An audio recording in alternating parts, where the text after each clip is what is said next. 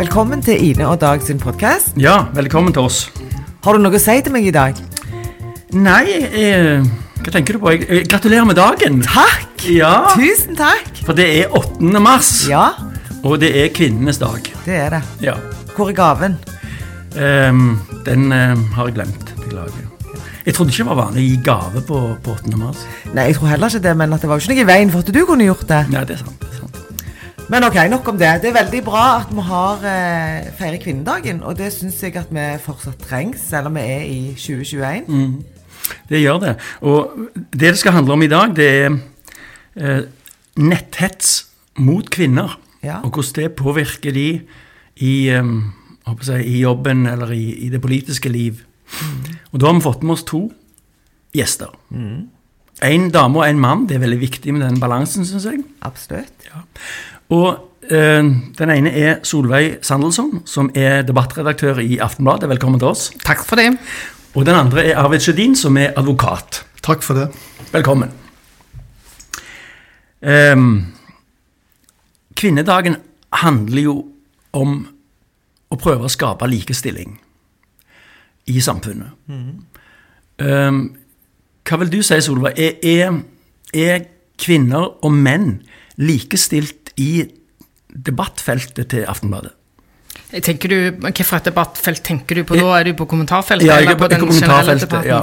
Nei, altså i eh, kommentarfeltet så er det mest menn uh, som holder på. Og det er jo ikke alle menn som er der heller. Det er et knippe med faste kommentarfeltytrere, og så er det noen slenger innimellom.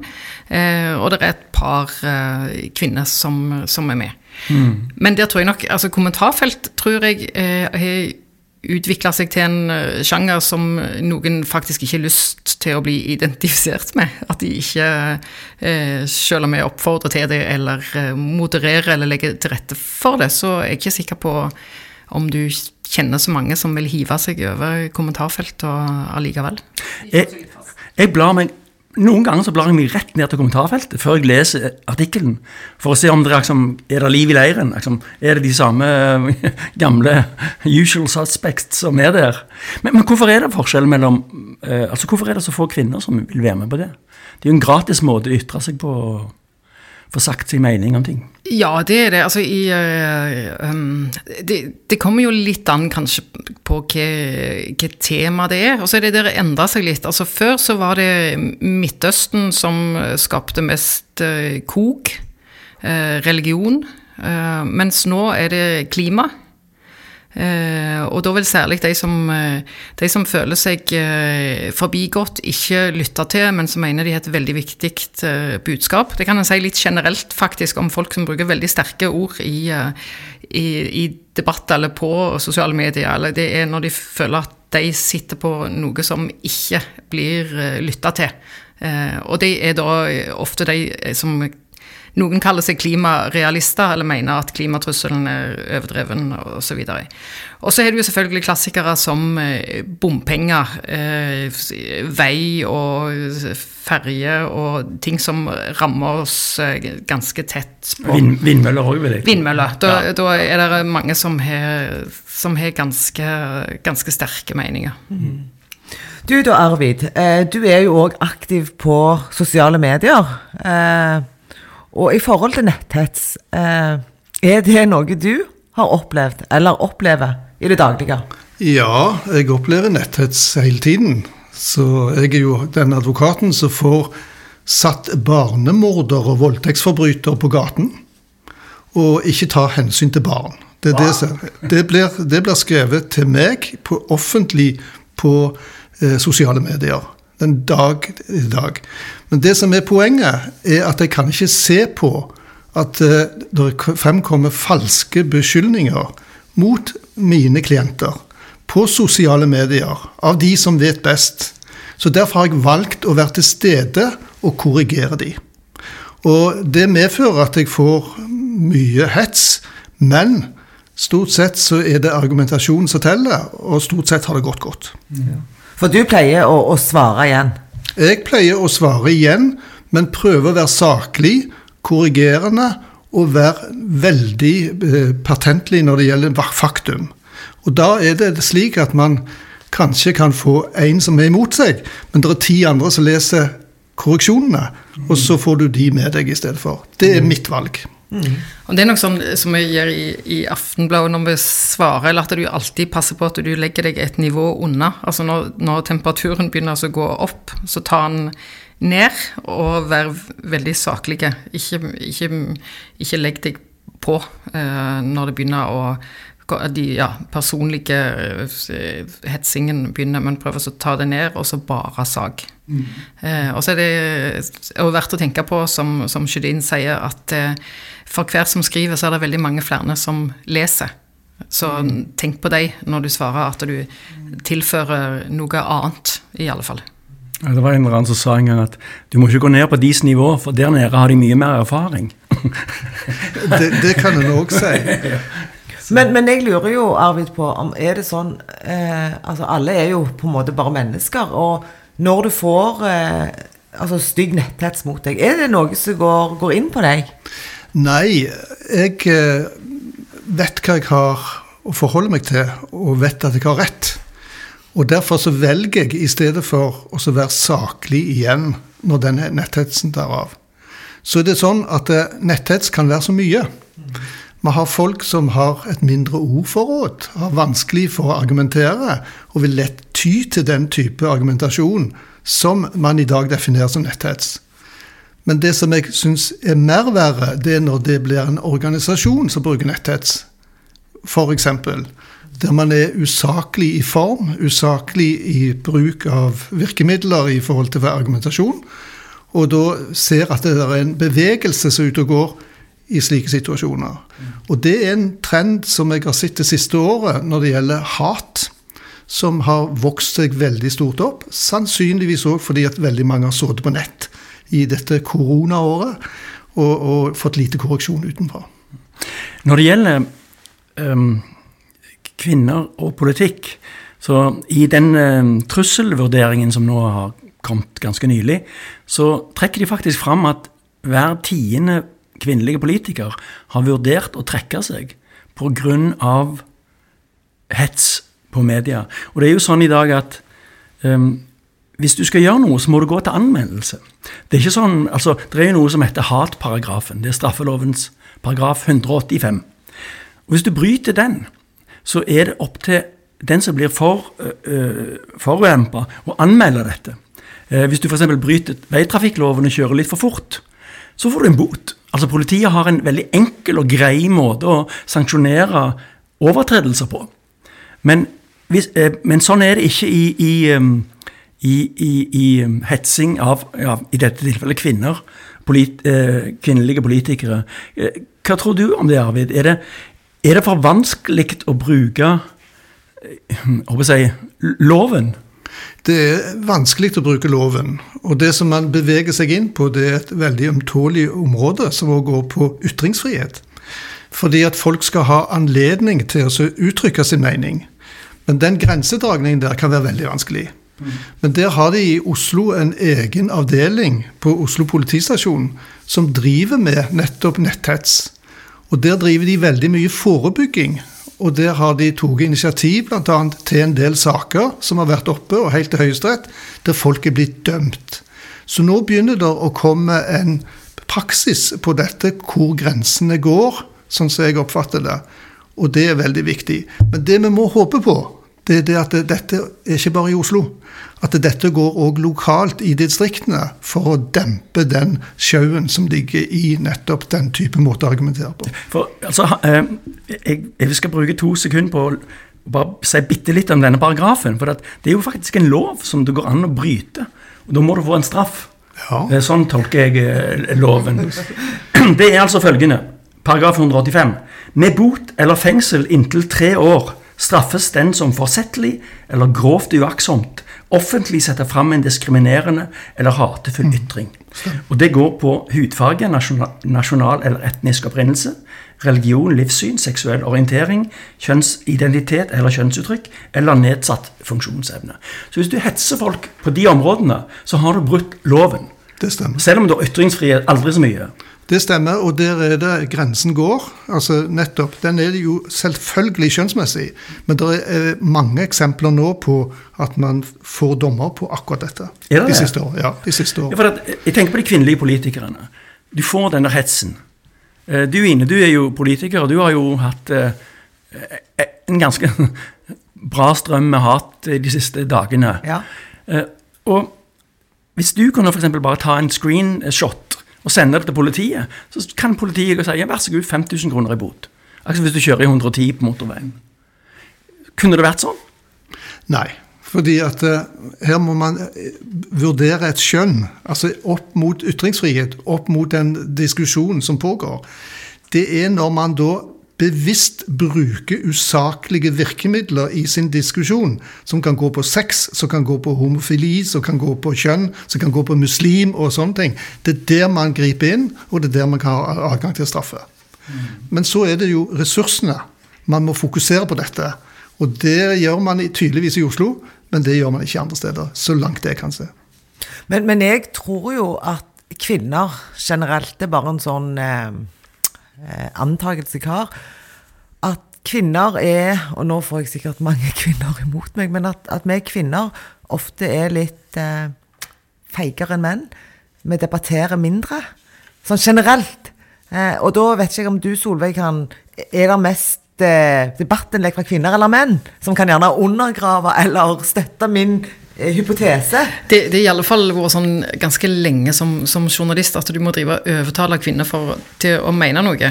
Og det er ganske irriterende. Og det, det synes jeg av og til altså Hvis du har sier at du har seks års utdannelse og er sivilarkitekt, så bør du få trekke i lønn hvis du ikke tør å uttale deg til et medie om ditt fagfelt. Altså Det er tull. Det må, det må damer bare slutte med. De må slutte med det med en gang. Eh, eller så får de finne seg en, en, noe helt annet å, å drive med. Eh, men så er det jo sånn da at eh, selv om menn generelt blir mer hetsa på nett, så det er for meningene sine, mens eh, kvinner da er det ofte seksualisert, og det er kjønn og utseende. Eh, Det samme gjelder minoriteter. Hvis du kombinerer de to, så begynner det å bli eh, ganske voldsomt. Og det betyr at du blir angrepen på hvem du er, altså på identiteten din. Eh, Hvem du er som, eh, som kjønn, hva du er født inn i, hvordan du ser ut. Og det er iallfall min erfaring at det er, det er mye tøffere når noen går rett der, enn at de er så voldsomt uenige med deg. For da, når de er det, så kan du gå gjøre som Arvid Sjødin gjør, at du eh, går på fakta. Og, men med en gang de begynner å ta deg for uh, noe som gjelder din person, så er du på en måte sjakkmatt. Og så kan det òg bli en så voldsom eh, mengde her. Eh, Si at, at noen setter i gang en eller annen aksjon på eh, Facebook eller på noen alternative medier som ser at det skjer, og du da ikke er i en redaksjon som jeg er, der det er mange rundt deg, så, så kan det være så tøft at du faktisk får din ytringsfrihet tatt fra deg i praksis. Og det er jo noe av det som gjør dette veldig vanskelig. Da. Og det er jo det som er eh, som, som skjer, eh, føler i hvert fall jeg, det at eh, denne eh, måten nett eh, å operere for, for, for kvinner, er med å dra de litt ut av eh, styre og stell, altså av politikk. Og at det er på en måte en eh, antidemokratisk eh, effekt av dette her.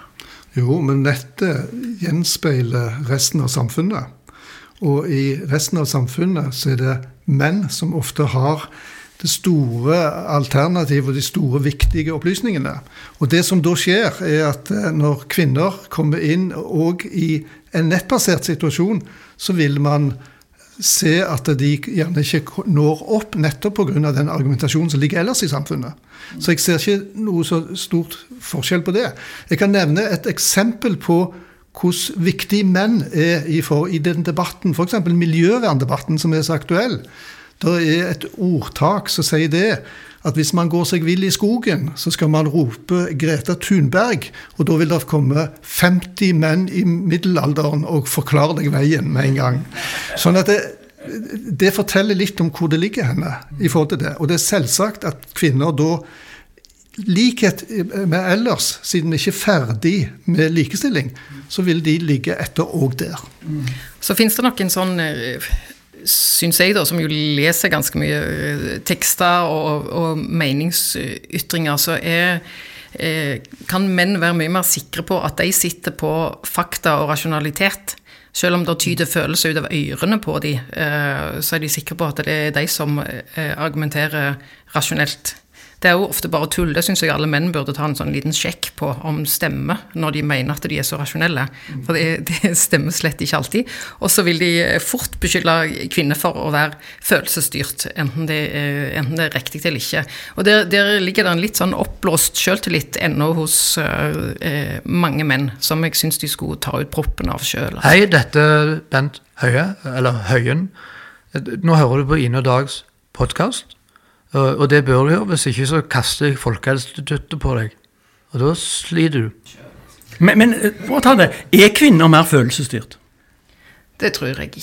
Altså, jeg, jeg, jeg, kan bare ta en liten fra min, min lille andedam. Jeg har tatt uhorvelig mange bilder av folk eh, i forbindelse med politiske valgkamper. Og det jeg har erfart, er at kvinner er utrolig mye mer opptatt av hvordan de framstår på bildene. Det er dobbelthaker, det er skygge, og det er bilder ovenifra, og det er sånn, og det er det ene med det andre. Og uh, Menn de bare sånn Ja, greit. Og så stikker de. Mens damer de, det, Dette kan vi mye om inne, sant? Dette har vi snakket om før. Men, men, det at når en er så veldig opptatt av dette, og da kanskje får uh, betraktninger uh, tilbake om hvordan det er, så er du mye mer sårbar, for det betyr så mye for deg. Ja, det gjør, der ligger det jo en, en sånn arv, da, at vi, eh, at vi, både er vant med at du blir eh, observert. altså Kler du deg litt lett fordi det er varmt, så tror noen at det er for, for at du skal, er til for deres blikk. Den, kan nok, den har nok de fleste kvinner kjent på i en eller annen sammenheng.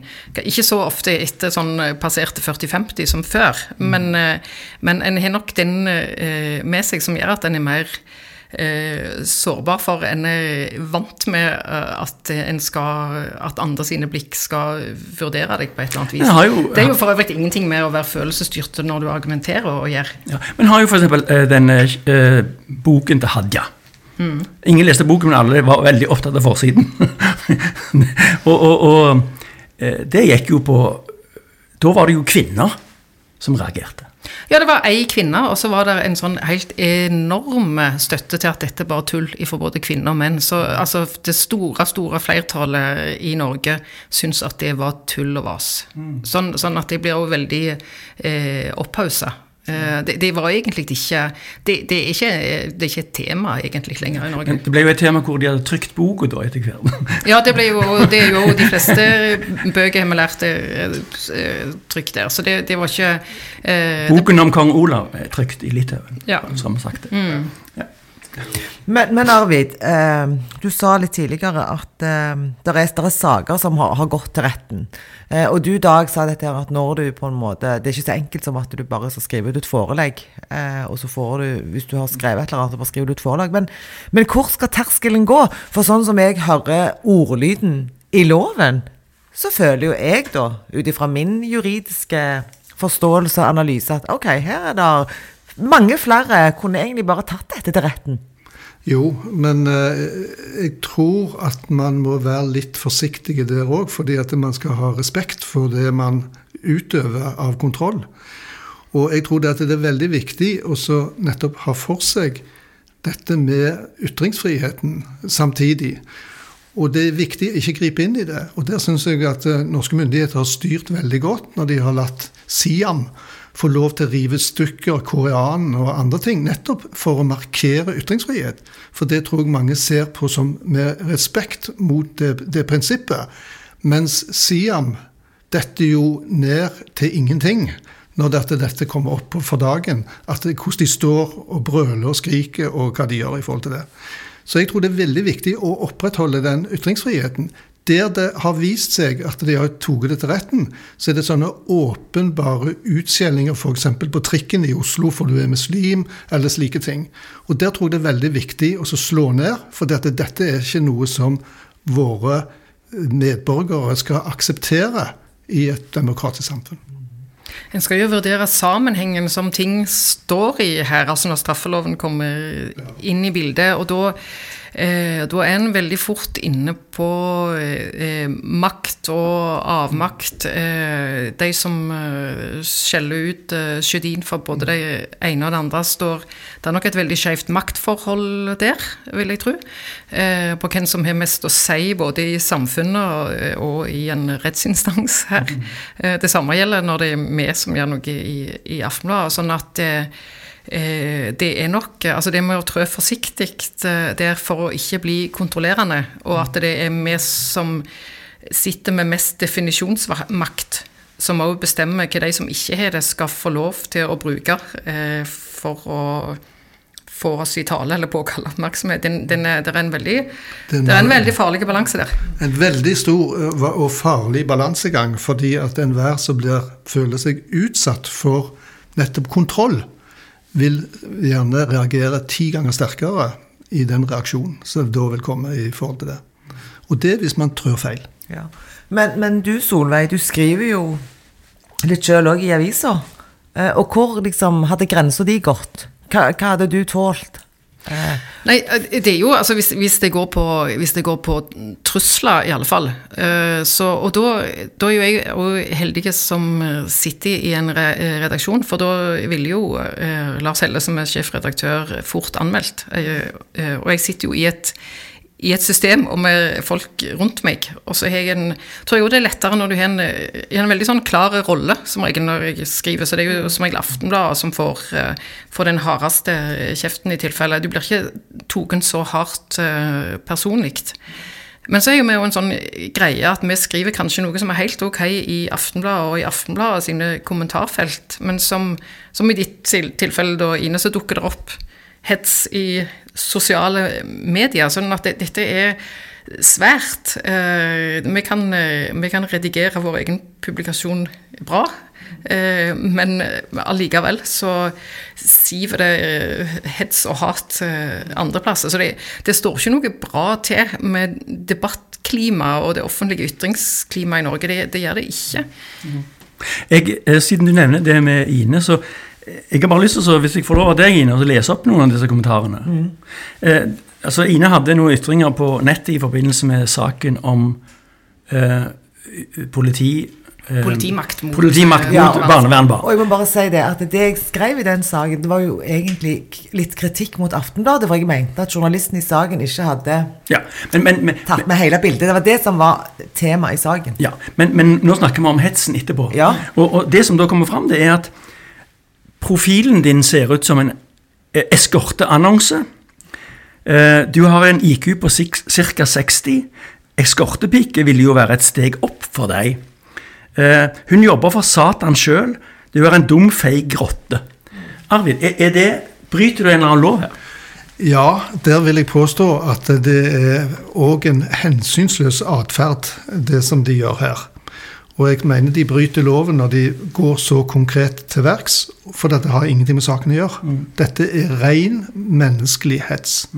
Men kan, kan Ine Er det eneste Ine kan gjøre, er å gå til en anmeldelse? Ja, du kan gå til Men politiet kan ikke på eget initiativ si at Jo. her har vi sett en ulovlig handling. Jo, det kan de òg gjøre, men har de ressurser til det? Det, er det er spørsmålet. Men Ine kan gå til politiet i Stavanger og så få en avgjørelse på om de mener dette er straffbart, om de bringer til retten, om de tar, gir de forelegg, eller om de gjør det en bot. Det kan hun gjøre. Ja, for det, jeg snakket med I går snakket jeg med ei som heter Maria Aasen Svensrud, som sitter i justiskomiteen. Og hun sier at for halvannet år siden så prøvde de å legge fram et eh, representantforslag i Stortinget som skulle få opp en NOU. Som skulle se på, for altså, Nett er nesten like viktig som motorveien og lykkeveien for oss. Det er no, Vi er der hele veien. Så det må jo være noen det må jo være et slags trafikkpoliti der òg. Så de ville i sin NOU eh, få kartlagt muligheter og hvilke type ressurser politiet hadde på dette området. Og så er det selvfølgelig for lite ressurser, ja, men da må vi si ja, da må de bare få mer ressurser. Og, og um, en av de tingene de ser på, det er at politiet skulle få en egen um, Litt sånn som de har med trafikkbøter. En egen mulighet til å straffe folk fort og greit uten at det gikk til domstolen. Med forelegg, ja. Ja, og jeg, jeg, jeg syns at den, den eh, Det ble jo stemt ned, og de ble hetsa i media, faktisk. Det, det var mange i media som syntes det var 'Å, herre min hatt!' Dette var gale. For det, det skal det har med ytringsfrihet Det har og med ytringsfrihet ja, alt det der. gjøre, og- Eh, og, og, og, men, men da mener jeg at den hatparagrafen blir bare en sånn skinnparagraf.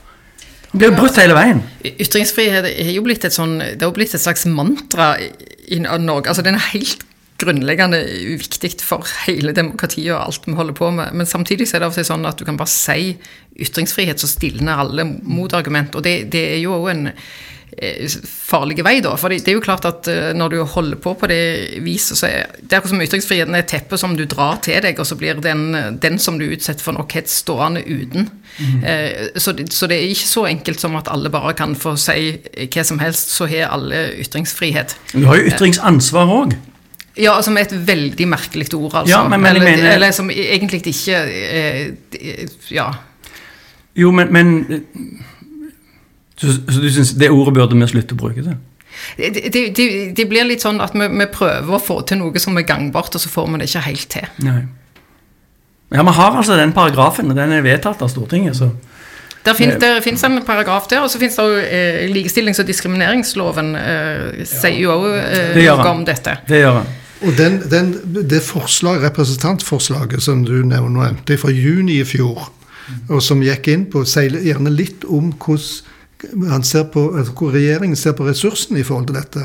Fordi at det, Hvis man hadde gitt de, de ressursene de skulle til, så hadde man fått granska dette. Og vi hadde gjerne endt opp der som Frankrike er i dag, med en balansert kontroll på sosiale medier, som selvsagt blir eh, veldig eh, kritisert for de som ikke har det ennå. Ja, for de ba jo bare om å få en NOU, altså en, de bar bare en utredning om det. Stemmer det?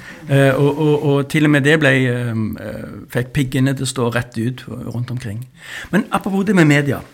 For jeg, eh, dette med, siden det er kvinnedagen, vi er ennå der, vi må ikke glemme det, så er det jo dette med eh, hva som er normgivende. Og, og media er jo veldig normgivende for oss. Eh, I går så var jeg innom Aftenbladet og kikket. Og så fant jeg to artikler om kvinner. Eller om mennesker som i tillegg til å være det de var, var kvinner. Og Den ene var om økonomiekspert Silje Sandmæl, 42 år. Overskrift 'Hun tar plass og er en dame uten filter'. Samme avis om Tina Saltvedt, altså økonomiekspert. Finansmennene sluttet å klappe henne på hodet da, vi, da de fikk se visittkortet hennes. Og en ville jo aldri snakket med en mann om ja, hvordan er det å være mann i Statoil. Eller, eller Equinor. da, Eller. Altså, eh, så media bruker jo denne her greia òg. Trø Rudi, det er jo elendig. Ja, det er sånn elendig. Ja, det er helt elendig. E24.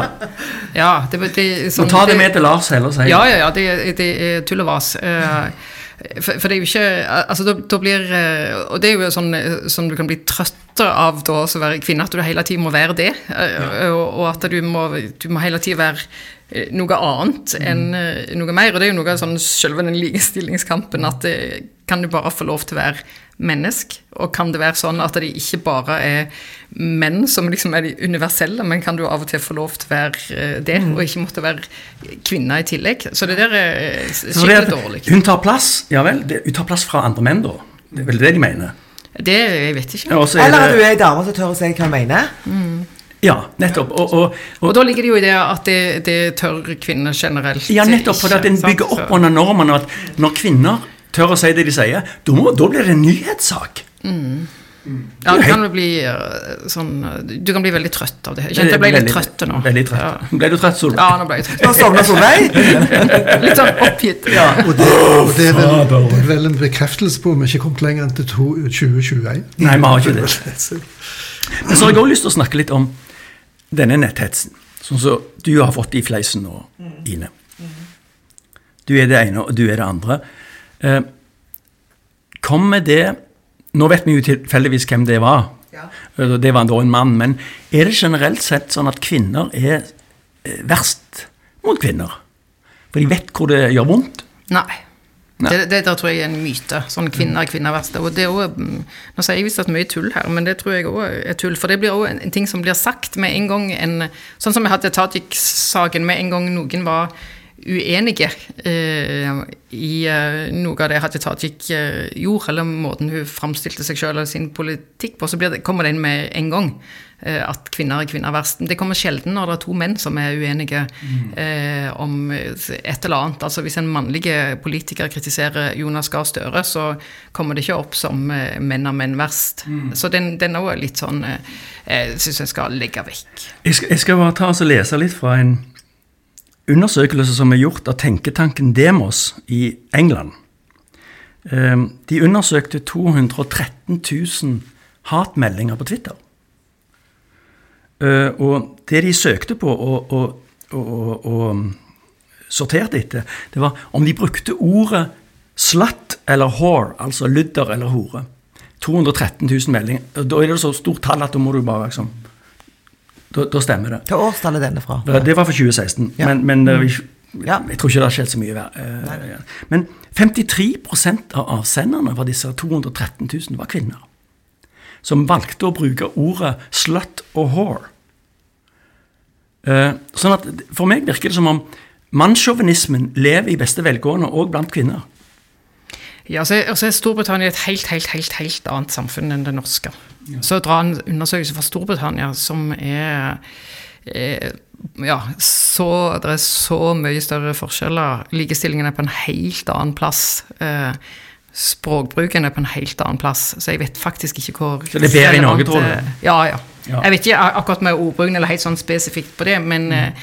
men likestilling og likeverd eh, mellom mennesker, sosial mobilitet og sjanse til å ta en plass eh, i, i samfunnet, enten du er kvinne eller mann eller fattig eller rik, den er på en, et helt, helt annet nivå i Norge enn i Storbritannia. Ja, jeg håper, det- håper det stemmer, for det er jo Jeg, jeg, jeg trodde jo engelskmenn var omtrent hos oss. Men det, Nei, det er de ikke. Nei. Nei, men, men det er jo ikke alt som er overforbart. Men, men jeg tenker jo sånn at eh, vi har jo en, en vei å gå. Eh, altså, vi er i 2021, eh, og kvinner blir fortsatt diskriminert. Eh, kvinner har fortsatt lavere lønn. Eh, kvinner blir ofte gjerne snakket mer nedsettende om. Kvinner blir tatt på utseende. Eh, så når på en måte Når kommer endringen? Eller vil det bare egentlig alltid være sånn?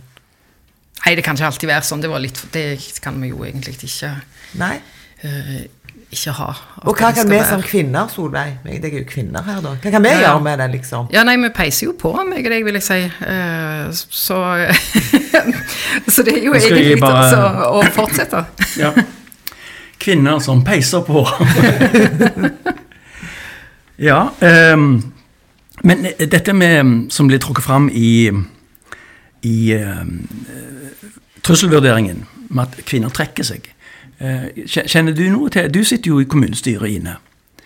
Eh, Har du hørt blant, eh, Har du hørt noe om, det? At, at sier 'jeg orker ikke mer', var det for så mye, så mye Nei, jeg tror jo det er noe annet å være stortingspolitiker kontra det å være lokalpolitiker. Men klart at ingen Eller ingen Jeg syns jo, jo ikke at det er spesielt kjekt når å bli hetsa. Eh, men, men klart at eh, jeg vet jo eh, hva som er saklig, hva som er usaklig. Og klart at jeg har jo Jeg er jo bare et menneske, jeg òg. Så klart jeg har jo lyst til å bli usaklig, jeg òg. Når noen andre blir det. Men så tenker du nei, ok, det er kanskje ikke så lurt, så lar du være. Og på den måten så bidrar, bidrar du jo da til å, å ikke holde det der usunne debattklimaet oppe, tenker jeg. Men samtidig så tenker jeg at jeg vil ikke slutte å debattere. Jeg syns det er kjempekjekt, og jeg elsker å diskutere. Men jeg bare vil at vi skal diskutere saklig, uansett hva tema det gjelder. Ikke sant? Men, men det er nok sånn eh, altså de, de, Det er jo en undersøkelse tidligere som viser at også lo kvinnelige lokalpolitikere eh, trekker seg. og Det var sist, eh, sist valg, så der husker jeg ikke, husker jeg ikke tallene, men de er altfor høye. For det er jo selvfølgelig eh, Dette er jo en, en trussel da mot demokratiet vårt. Og det er jo eh, Og der kvinner på en måte blir denne kanarifuglen, sant, som du vet, altså hvis du havner i gruva som var tegn på om det var farlig der eller ikke. altså hvis, Fordi at kvinner er halvparten av befolkningen. Så sånn, hvis vi ikke engang klarer, klarer det, øh, å holde halvparten av, av befolkningen med i samfunnet, så kan vi begynne å tenke på minoritetene, øh, hvordan det blir. Sånn at det, dette er jo øh, eh, må vi jo ta alvorlig. Så Noe av det som vi gjør da, det var kanskje litt sånn flåsete sagt at vi peiser på, men, men, det er jo Skal du invitere til en debatt, eller skal du eh, invitere eh, meningsbærere, så må du passe på at du inviterer kvinner først, eller så ender du opp med, eh, med bare menn. Så du må fremdeles eh, hele tida eh, gjøre, gjøre en jobb der. og gjerne å passe på at det ikke blir så veldig kjennende, det der med at eh, den generelle debatten går, og så kommer det noen kvinneting inn. Som om det som, som halvparten av befolkningen eh, kanskje blir ja, jobber mer i offentlig sektor osv., at det skulle være en kvinnegreie for dem. Det, det, er det jo ikke. Helse f.eks. gjelder minst like mye menn som det gjelder, gjelder, kvinner. Så det er klart det er en stor jobb, og vi, vi holder på, men er, den jobben har vært omtrent den samme så lenge jeg jo, og jobber. Det, og der kommer vi inn på nettopp det som vi var innom med det representantforslaget, nemlig at dette må politikerne ta tak i. Mm. Fordi at man skal ikke ha hets. Og man skal ikke ha personlig hets mot personer. Det er usaklig, og det er feil, og det kan være straffbart. Men for å få en kontroll på det, så må politikerne på banen altså sette opp retningslinjene og styringen på det. Og det har de svikta. Ja, jeg, jeg vil bare ta opp dette med sendte lokalpolitikere kontra stortingspolitikere. I, I, Oslo så er det en um, varaordfører som heter Kamsi Gunaratnam. Det er litt vanskelig å si, men hun er da, representerer Arbeiderpartiet. Hun er varaordfører. Hun er ung. Hun er, ja, ikke, hun er ikke sånn kronisk norsk, som hun kaller seg for. Hun er, ler høyt, tar plass. Hun, hun kaller seg selv for brautende. Det var for så vidt greit. Hun fikk litt stikk fra sine egne partifeller òg, faktisk, for måten hun var på i begynnelsen. Men så ble hun leder av 17. mai-komiteen. Og da var alt helvete løs. For det at hun var ikke norsk altså Det var noe med det med 17. mai. Ja, og, og hun opplevde en utrolig press. Og jeg, jeg vil jo si at berømme henne for å bare stå i det. Og ikke, ikke vike en tomme. Ja. Bare være med. Der, der beveger vi oss over i noe som ligger latent, mm. men som dukker opp, og det er nasjonalismen. Ja. Altså den der alvorlig konservative ja. nasjonalismen som da viser seg å være sterkt rasistisk. Mm. Og der er det igjen en advarsel å rope på. 17. mai-komiteen er jo ingenting i forhold til helsekomiteen, altså i forhold til virkelige saker. Vi skal bare lage en festdag. Ja. Men det er jo altså som for å plukke opp igjen uh, Sjødin nevnte med politikerne som må tåre å ta, ta tak i dette, fordi at det er jo en må jo gjøre noe på systemnivå, altså en må gjøre noe strukturelt. Eh, og ikke bare heie på modige enkeltpersoner eh, som, som tør å stå i en, i en, storm, for da klarer en ikke å endre noe over tid. Eh, og her, jeg tenker at både politikere og kanskje media må tåle å bli litt skitne på fingrene når det er snakk om ytringsfrihet. Mm. Eh, for der er det en sånn berøringsangst. Eh, som, eh, som, ikke hører hjemme eh, noen plass. For det, det bygger på et, et, litt sånn for idealistisk bilde av ytringsfriheten. Og her er det sånn at Nå skal jeg, bør jeg med en gang skunde meg og si at jeg mener ytringsfriheten er helt grunnleggende for demokratiet osv. Men, men den, den, det er blitt det er en altfor sterk berøringsangst, og det er først og fremst politikerne som må gå på den. Eh, hvis de får eh, mye kjeft i media, så får de tenke at det er vi som er for konservative. Men, men det er jo Jeg kan ikke tenke meg eh, at noen i dag kommer og sier jeg har et problem. Ja, hva er det for noe? Nei, jeg, jeg får ikke plass til å ytre meg. Det sier altså, de hele tida til oss. Ja, så gjør de det. Ja, ja, Men altså, det er jo aldri vært mer muligheter til å si ting. Nei, nei, men, nei, og det er ikke de som eh, sier minst, som, som uh, klager. Men, uh, men uh, jeg får vel sånne henvendelser hver dag på folk som er blitt moderert vekk av oss, eller som ikke finner seg i at de ikke får lov til å si absolutt hva som helst, eller kalle hvem som helst korrupte, f.eks., eller hva det måtte være. Men du, litt som, må komme litt på innsida av Aftenbladet. Får dere ennå brev som skrevet for hånd? Sjelden, men vi får, eh, det hender vi får håndskrevne Håndskrevne brev. Kjære herr redaktør. Ja, det hender, det, det hender jo at jeg får på e-post med mitt navn, og så står det herr redaktør. Så tenker jeg det er litt eh, løye, kanskje, men kanskje de tenkte på, på Lars. Jeg vet ikke. Ja, ja, ja. Men, men jeg, jeg, tenker jo sånn eh, tilbake til det du, eller til det vi har snakket om dette her med den NOU-en og forslaget.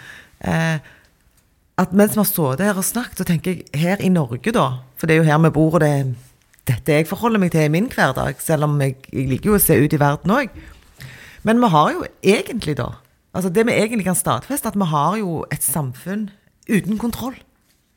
Altså, altså, folk kan egentlig Altså, vi har ytringsfrihet, og eh, konsekvensen av den er at vi har plattformer. Twitter, det ikke norsk, men Facebook.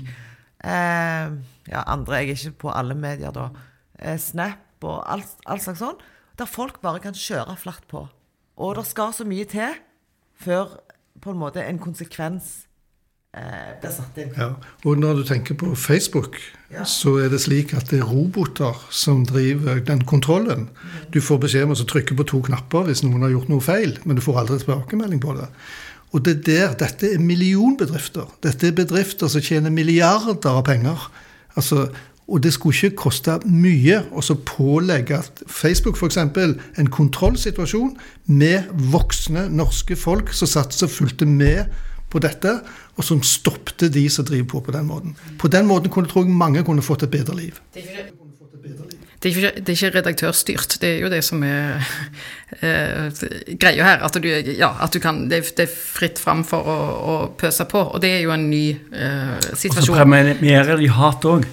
I realiteten så er det vel sånn at lovmessig så er det vel den som har Facebook-profilen som har redaktøransvaret. Ja, ja. Men det er litt vanskelig å pålegge Ja. de det fulle ansvaret. Ja, men Aftenbladet har, vel, har jo òg en Facebook. Ja, men, eh, det, ja, og der er vi jo uh, kjøreregler for både hvilke noen saker vi deler på Facebook. Vi vil f.eks. ikke dele altså, alvorlige krimsaker eller uh, saker som uh, kan gå ut over en enkeltperson, for det liker folk òg. Om, det om det så er at du er klagt på trefelling hos naboen, så, så blir det ofte For eksempel den saken, gjenoppretningssaken med, som Arvid har. Ja. Er det en sak som ikke ville blitt delt der? Ja, det kan jeg ikke si helt sikkert at han ikke blitt gjort, men det er en Nei. typisk sånn, eh, sånn sak som jeg eh, verken vil dele eller ha kommentarfelt på.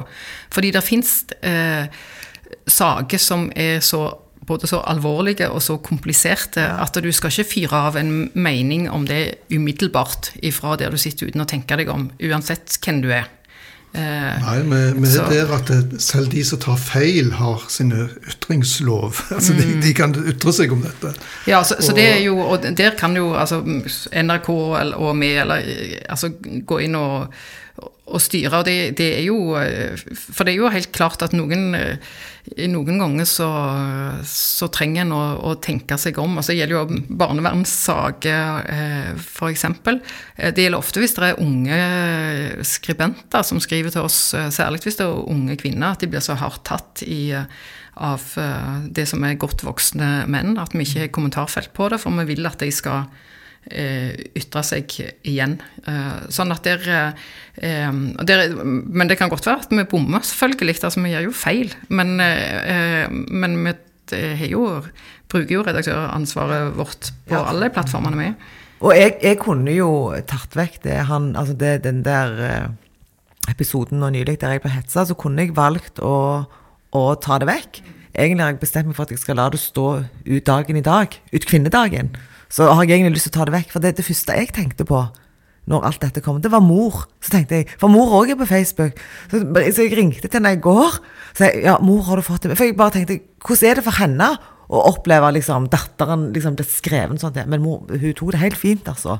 Men, men det var det første jeg tenkte på. Men, men eh, jeg, så noen vil si ja, du, du må bare ta det vekk. Du må bare blokke den. Men det ble en sånn eh, Det var en sak om netthets, og så var det bare Akkurat sånn er det.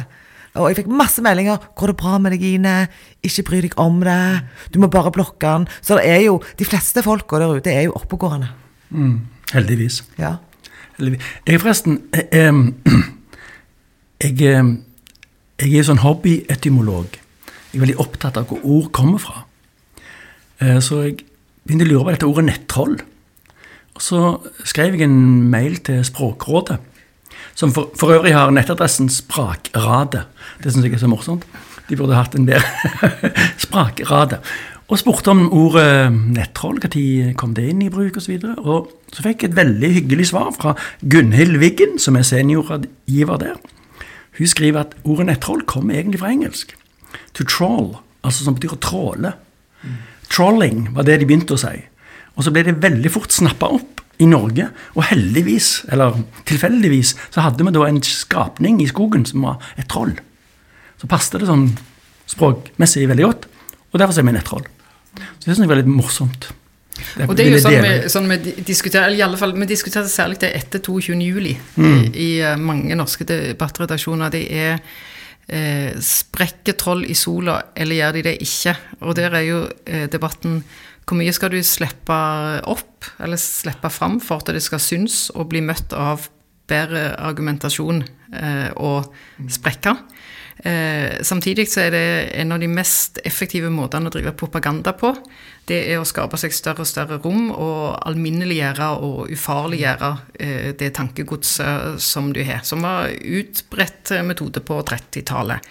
Så dette eh, er ikke noen sånn eh, Kan ikke sette to streker under svar eh, der heller. Men jeg tror vi er mye mer skeptiske nå til at troll sprekker i sola, enn hva vi prøvde å være et, Ja, det er eh, helt, rett etter helt 22. juli.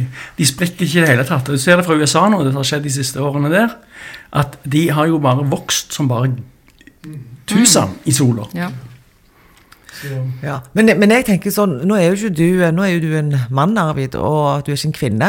Men hvis du hadde mottatt så mye hets som du har mottatt, og vært kvinne, jeg lurer på hos, om om det hadde skjedd? Altså, for det er vel gjerne mest menn da som hetser deg? Eller er det, er det kvinner? Nei, det, jeg tror det er veldig mange kristne kvinner i 50-årsalderen som uh, ikke har kunnskap om saken, som da, eh, som står hetser i dette tilfellet. Og de er ofte feige, for de skriver ikke navnet sitt. De sender telefonnummer, og så bruker de SMS, og de bruker ikke ofte det andre. Men når de bruker SMS, så er det lett gjort å finne ut hvem de er, og hvor de bor, og hvem de er. Og det noterer jeg heftig ned i en bok, for at jeg skal ha det til seinere, hvis det dukker opp igjen.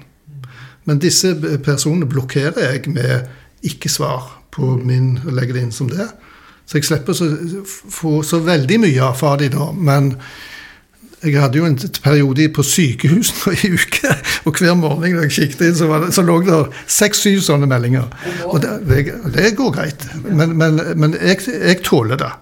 Men selvsagt, hvis det hadde gått mer på person, altså mer på person og, og kalt meg for alt med himmel og jord, så tror jeg nok at det, det er en grense på hva tid det går ut over deg, og hva tid du, du, du, du merker det og føler, det sjøl. Men nå har jeg valgt å stå i den krigen, og det er en bevissthet som jeg har, og derfor så tåler jeg det. For kvinner, eller, Menn får jo veldig mye kommentarer på det de mener og, og gjør. Ja. Mens kvinner får mer kommentarer på den de er. På personen, og det tror jeg, og, og da, da tar du etter hvert så tar du skade på din sjel, eller når du får et sånt uh, trykk. Og det er jo uh, Du kan Du er en, en rolle som du vet du er i som, når denne hetsen kommer. Og så stemmer jo det med altså eh, kristenkonservative kvinner, eller menn, det er jo de som er, skriver sinte til oss, eller hva det Nå er det mange færre av de, men det går inn i det der bildet med eh, folk som mener de forvalter en sannhet som, som er trua, og som får altfor liten eh, plass, og som mektige menn som Sjødin har tydeligvis slutta å bry seg med i deres eh, i deres øyne, de tyr til hets for å, å få det fram. Så det, noen av de styggeste brevene vi har fått, er fra det er noen som kaller seg eh, kristne, eh, og er godt oppi åra. Ja, har det med, at, eh, med islam å gjøre at de føler troen sin er trua, eller er det Ja, Det er sekulariseringen i, i Norge òg, tenker jeg. Uh, altså de, de mister et hegemoni. Men det blir jo færre og færre uh, av de da, men jeg kjenner det igjen. Jo da, og det er òg Det var snakk her om eh, brev, håndskrevne brev. Så dukker det òg opp ennå. Og dette er eldre folk som har sin mening, og som skriver, og så er de ofte anonyme. Ja, eh, Sveinung Stensland fikk jo Jeg vet ikke om dere fikk med dere det? I går fikk brev. I, altså, han er stortingspolitiker. Ja, Det var før, før jul det skjedde. Ja, men det kom ut i, i går, og, og, det- og det var at eh, um, Ja, men det syns jeg jo nesten er redeligere, selv om de er sinte. Men å faktisk skrive et brev og sende per post men, men det var, eh, det var, det var jo Dette var jo drapstrusler. så- Å, ja, ja, Og det var anonymt brev òg. Du kunne ta livet av sønnen, blant annet, med, med forskjellige giftstoffer. Det var helt Det var, det var helt forferdelig. Helt Ja. grusomt. Det verste, eh, verste jeg har sett på lenge. altså. Ja vel. Skal vi begynne å runde av, Ine? Ja. Har du lyst til å komme med noen eh, velvalgte eh, kvinnelige ord? Nei, for det er egentlig så sitter jeg Nei! jeg- Ta det universelt, Kine. Ja. Nei, men, men, men, nei, men jeg sitter og tenker på at vi har en eh, Når det kommer til netthets og altså kvinnekampen, da, som er veldig mye, eh, så er det fortsatt en, en lang vei å gå. Det er jo det på en måte vi må erkjenne. Og så tenker jeg at det, eh, Hvem er det sitt ansvar? Er det kvinnen, er det vi som må ta ansvar, meg og Solveig, eller er det deg og, og Arvid som må hjelpe og bidra mer? Eh, det sitter jeg og tenker litt på. Eh, og så syns jeg jo at det er viktig Jeg vil jo oppfordre alle kvinner til å være med i ulike debatter. Eh, og tørre å mene. For det er ikke farlig. Og den, den, selv om man blir hetsa, så er jo ikke det alltid representativt. Det, det skjer ikke hele veien. Det skjer Arvid han har sikkert levd med dette i 20 år. Jeg syns egentlig synd på han. Eh, han, han må være lagd av noe helt annet enn det jeg er. Han har stål. Ja, nei, men, men så jeg, jeg tenker at det er det viktigste jeg sitter igjen med i dag, det er det at eh, du og Arvid, dere òg har et stort ansvar. I tillegg til at meg og, og Solveig må på en måte vise at vi er kvinner som eh, vil være med og debattere og mene noe. Og så er det vel det at hvis med en gang du får en melding som ikke handler om saken, men om deg, så vet du at de har tapt debatten. Eh, eller at du kan være ganske trygg på at de, eh, de, ja. de vil ikke nå deg opp til knærne i Ja. debatten, men de tar deg på Ja. et eller annet. eh, Og så er det fritt fram for å, eller på alle som har sin Facebook-konto, å eh, redigere de vekk. Som vi vil ha i vårt sett av modereringsregler, at hvis du eh, ikke forholder deg til sak, men går på person, så er det ut. Men hvis du, Arvid, skulle sagt noe fint til kvinnene i dag, eller hva, hva ville du sagt? Nei, altså det, det som jeg har vært innom noen ganger nå, det er nettopp det at vi ikke er kommet lenger enn til 2021. Sånn at det, det som har vært et politisk mål i hele min generasjon, det har jo vært å få likestilling. Og det er noe alle er blitt oppdratt med og, og, og, jobber med. Og det viser at det fremdeles pågår en kamp, og den må vi ikke legge fra oss. Det er mitt poeng. Ja. Det var gode ord til slutt, syns ja, jeg. Men har ikke du òg noen ord dag? Du slipper jo ikke unna. Eh, nei, altså jeg, eh, jeg vet jeg har, jeg har ikke hatt så mye personlig netthets. Jeg, eh, jeg har aldri hatt den følelsen i kroppen. Sånn som de spør idrettsfolk hvordan føler du nå. Eh, Jeg har liksom aldri hatt den 'hvordan føler du nå'. Nei, men jeg tenkte mer til kvinnene. Og skal jeg si noe fint til kvinnene? Ja. Eh, peis på, vil jeg si. De, jeg tar Solveig sine ord i min munn. Sier, peis på! Ikke gi dere. Veldig bra. Ja. Men tusen takk for at dere hadde lyst og, og tid til å være med oss i dag. Ja. Eh, og så nå får vi ut og, og feire dagen. Må gjøre det. Ja, ok. Ha det godt. Ha det. Takk for at dere kom. Ha det. Takk for det.